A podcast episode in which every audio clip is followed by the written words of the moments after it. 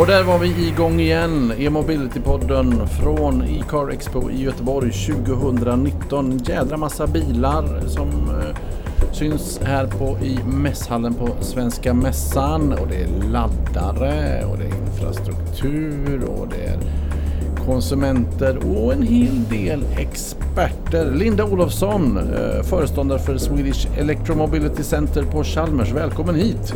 Tack så mycket. Vad gör ni på Swedish Electromobility Center på Chalmers? Ja, vi är ju inte bara på Chalmers utan vi är ett nationellt forskningscentrum som eh, tittar på elektromobilitet.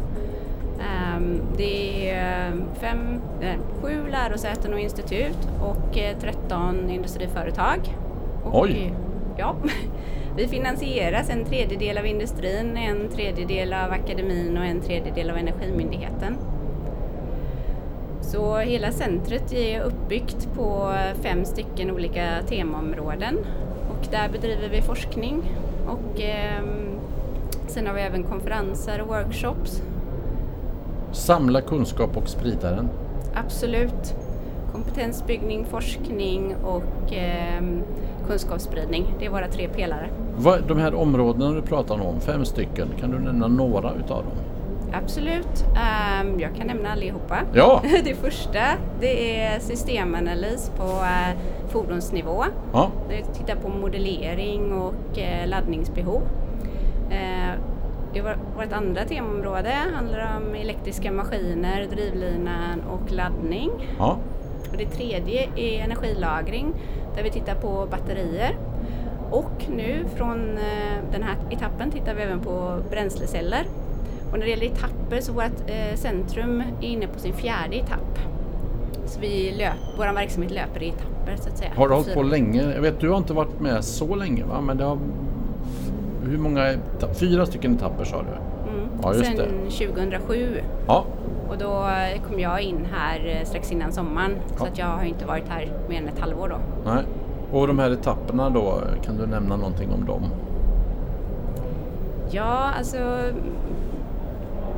det, vi får finansiering för fyra år i taget. Ja, Eh, och eh, då kan man väl säga att från början så var det här centrumet fokuserat väldigt mycket på bilen och fordonet alltså. Eh, och sen har det successivt gjort en resa till att bli eh, även på systemnivå och vi har även nu i den här senaste etappen öppnat upp för flyg och sjöfart också. Så det är inte bara vägburen trafik. vad är systemnivå? Ja, eh, det är ju så här att nu så finns den grundläggande tekniken Mm. för eh, en eh, elektrifierad flotta.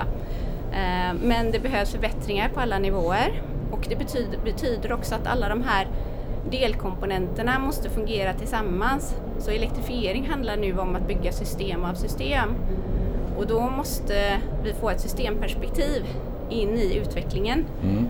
Och det betyder att komponentmänniskor som sysslar med en del av systemet måste prata med andra kompoten, komponentmänniskor som jobbar med andra delar för att vi ska få ihop helheten. Ja, ja, men det är mycket. mm, Elen ska komma någonstans från en punkt och ta sig till en annan. Och den ska lagras någonstans, den ska användas och så. Okej, och då måste man ha någon slags perspektiv på allting där kanske. Man inte bara sitter och snöar in på sin lilla komponent. Nej, och sen så är det ju så att det behövs förbättringar på, på alla delar i det här systemet men det behövs också att systemet som helhet fungerar. Och det en, en sak som belyser det här är att vi nu i den här etappen, den fjärde etappen, har eh, etablerat ett nytt temaområde då, våra tema 5, som är elektromobilitet i nätet. Hur ska en, en större elektrifierad fordonsflotta fungera med vårt elnät på ett bra sätt? Och det forskar ni på? Ja, där håller våra temaledare på nu att eh, göra en roadmap Ja. för området och sen kommer vi ha projekt inom det området. Men det här håller man på med, med bland annat då på Chalmers och i hela Sverige. Och då tänker jag, det låter väl görbra, eh, men hur ser det ut i resten av världen? Hur ligger vi till i Sverige jämfört med resten av världen? Är vi i topp eller var är vi någonstans egentligen? Jag tror nog att vi är väl rustade, men sen man tittar på vilka som ligger längst fram vad gäller forskning eh, så har vi mm, eh, forskare som tillsammans med RISE som har tittat på och sett att vi Kina, USA, Tyskland och Indien ligger ju mycket längre fram vad gäller att publicera. Särskilt Kina eh, imponerar genom att de har publicerar väldigt mycket och de blir också välciterade så det är också kvalitet på det de publicerar. Mm. Mm. Så att vi, vi kan bli bättre i Sverige.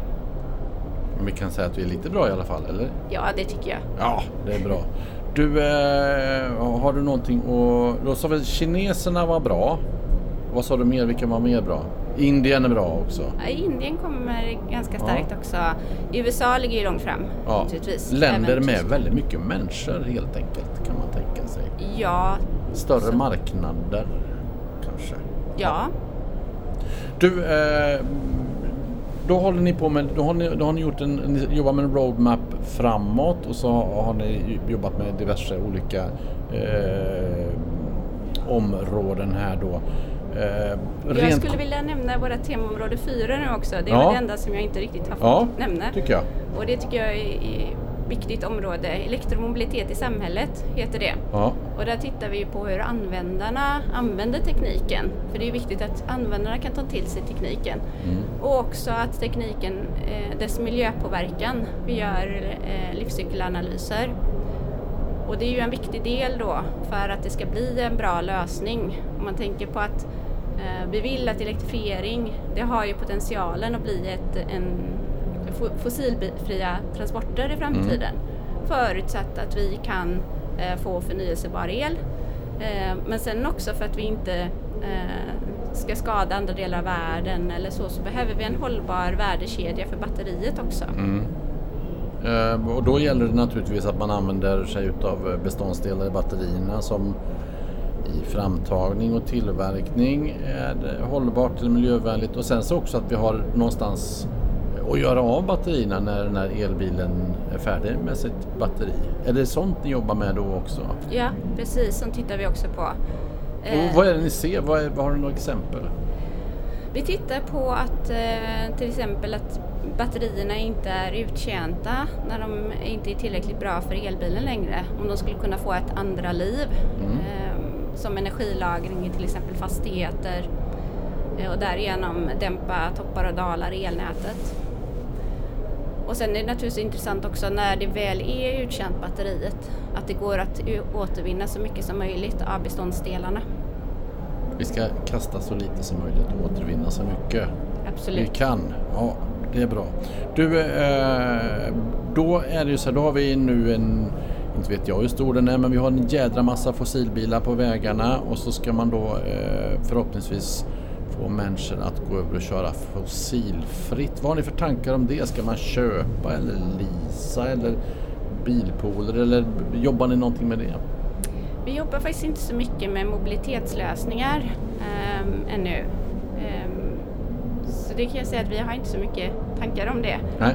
Däremot så är det klart att uh, om vi ska minska påverkan så tror jag att det är viktigt att vi kan hitta tjänster där man kan åka tillsammans. Um, och att man kanske inte behöver äga ett fordon. Eh, speciellt inte om man bor i staden. Eh, sen tycker jag då ur mitt eget personliga perspektiv då som kanske inte är en stadsmänniska att det är viktigt att man även i framtiden ska kunna bo, kunna bo utanför staden. Mm. Nu hade jag eh, Heidi Andersson här som eh, är från Storuman som har skaffat elbil för ett antal år sedan. Eh, hon menar hon får åka 23 mil till Umeå om hon ska snabbladda. Mm. Men det går ju att ladda långsamt även i landsbygden eh, också. Och jag antar att det är sånt ni tittar på också. Att man ska ha samma möjligheter i alla fall. Ute i, där det inte bor så många människor som det gör kanske i Stockholm, Göteborgs eller Malmös innerstäder. Ja absolut, det är en utmaning. Men vi tittar ju på hur hur behöver laddinfrastrukturen se ut i Sverige mm. för att vi ska kunna ha en elektrifierad fordonsflotta? Du, ne, går det att ge ett entydigt svar på mm, att elbilen är bättre än en fossilbil om man liksom tittar från start till mål, alltså under hela användningstiden för fordonet? Den har potential att bli det, definitivt. Fossilbilen kan ju inte bli eh, fossilfri Eh, men elbilen kan bli det. Ja. Och kan vi då ta hand om batteriet och se till så att det blir en hållbar värdekedja för batteriet Ja. så, så kommer vi komma långt. Vi måste också få eh, mer utbyggd fossilfri förnyelsebar energi och vi måste bli smartare i vår användning av energin också. Okej, men i stort sett handlar det om att, att ha kontroll på hela, hela vägen från hur elen produceras till hur batterierna produceras, hur de används när de väl används och eh, var, var de tar vägen när, när deras livstid är slut helt enkelt. Mm. Mycket att tänka på du. Ja, det, Hur mycket spelar, hur mycket spelar, eh, hur mycket utav det här sköter marknaden och hur mycket är det, om vi tittar så här då, alltså samarbetet då mellan stat, företag och universitet eh, i Sverige, hur, st- hur stor är den skulle du säga jämfört eh, med, med andra länder? Är Sverige speciellt där att, att, att staten bryr sig om och företagen och universiteten samarbetar? Jag tror det som är unikt i Sverige det är att eh, företagen kan samarbeta ehm, och eh, gör det på ett väldigt bra sätt med eh, forskare inom akademi och institut. Ehm, jag hade en spansk delegation på besök här häromdagen Mm. och de frågade oss specifikt hur får ni konkurrenter att samarbeta i forskningsprojekten? Och jag sa vi har en, en etablerad kultur, vi har jobbat många år på det sättet och hittat sätt att jobba även om man är konkurrenter. Och jag tror det är jättestarkt att vi kan det i Sverige. Det är en av våra konkurrensfördelar skulle jag kunna säga. Gentemot eh, världsmarknaden då på något sätt kanske? Ja, gentemot andra länder. Det är ändå lurigt tänker man. Sitter jag, om jag har mitt eget företag och kommer på något jädrigt smart som kan bli en konkurrensfördel. Ska jag dela med mig? Men det men kanske är någon byteshandel där. Du får det av mig och så får jag det av dig. Ja, och sen så får naturligtvis att du har du någonting som är eh, väldigt känsligt marknadsmässigt så går du ju inte in i ett forskningsprojekt med det. Nej, så är det ju. Du, vilka forskningsresultat kring hållbar mobilitet skulle du säga är mest förvånande och vilka resultat är viktigast? Går det att säga? Jag skulle säga att eftersom vi behöver göra så mycket på så många olika områden så, så är det ju många pusselbitar som måste till. Ja. Jag tycker att det var ganska spännande vad en av mina temaledare berättade att eh, de hade studerat eh, hur man kunde komplettera eh, laddningsinfrastrukturen med elvägar. Mm. Eh, kanske först och främst för att den tunga trafiken ska kunna bli elektrifierad men också visat på att man då genom att elektrifiera vissa delar av vägsträckorna skulle kunna ha mindre batterier i personbilarna. Ah, förklara elvägar för de som inte känner till det. Ja, det blir att man har kontinuerlig laddning eh, genom att man kan ladda genom vägen då. Det kan vara antingen genom att man har eh, kontakt med eh, en ledning i vägen Mm. ehm, eller att man har så kallad induktiv laddning, då behöver man inte ha kontakt men man kör över spolar. Eller så kan man ha kontakt via eh, luften över vägen, så att säga, nästan som spårvagnar. Eller gamla elbussar som fanns en gång i tiden. Precis. Men det där låter görbra tycker jag. Det är ju, låter som lika miljövänligt som järnvägen fast det är du som bestämmer när du vill stanna. Ja, faktiskt. Och då skulle man då kunna ha, ha mindre batterier eh, för att du har kontinuerlig el längs en viss sträcka och sen när du lämnar den sträckan då, elvägen, så, så använder du batterierna. Har jag förstått rätt då? Mm, precis. Så det tyckte jag var ett intressant resultat. Gör smart tycker jag. Det är lätt. Ja. Sen tänker jag att vi måste ha en viktig del i att eh, för att klara den här omställningen så måste vi låta många olika lösningar finnas och existera bredvid varandra. Mm.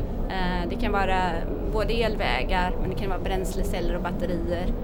Alltså att vi måste låta flera lösningar finnas parallellt vid sidan om varandra för att klara den här omställningen.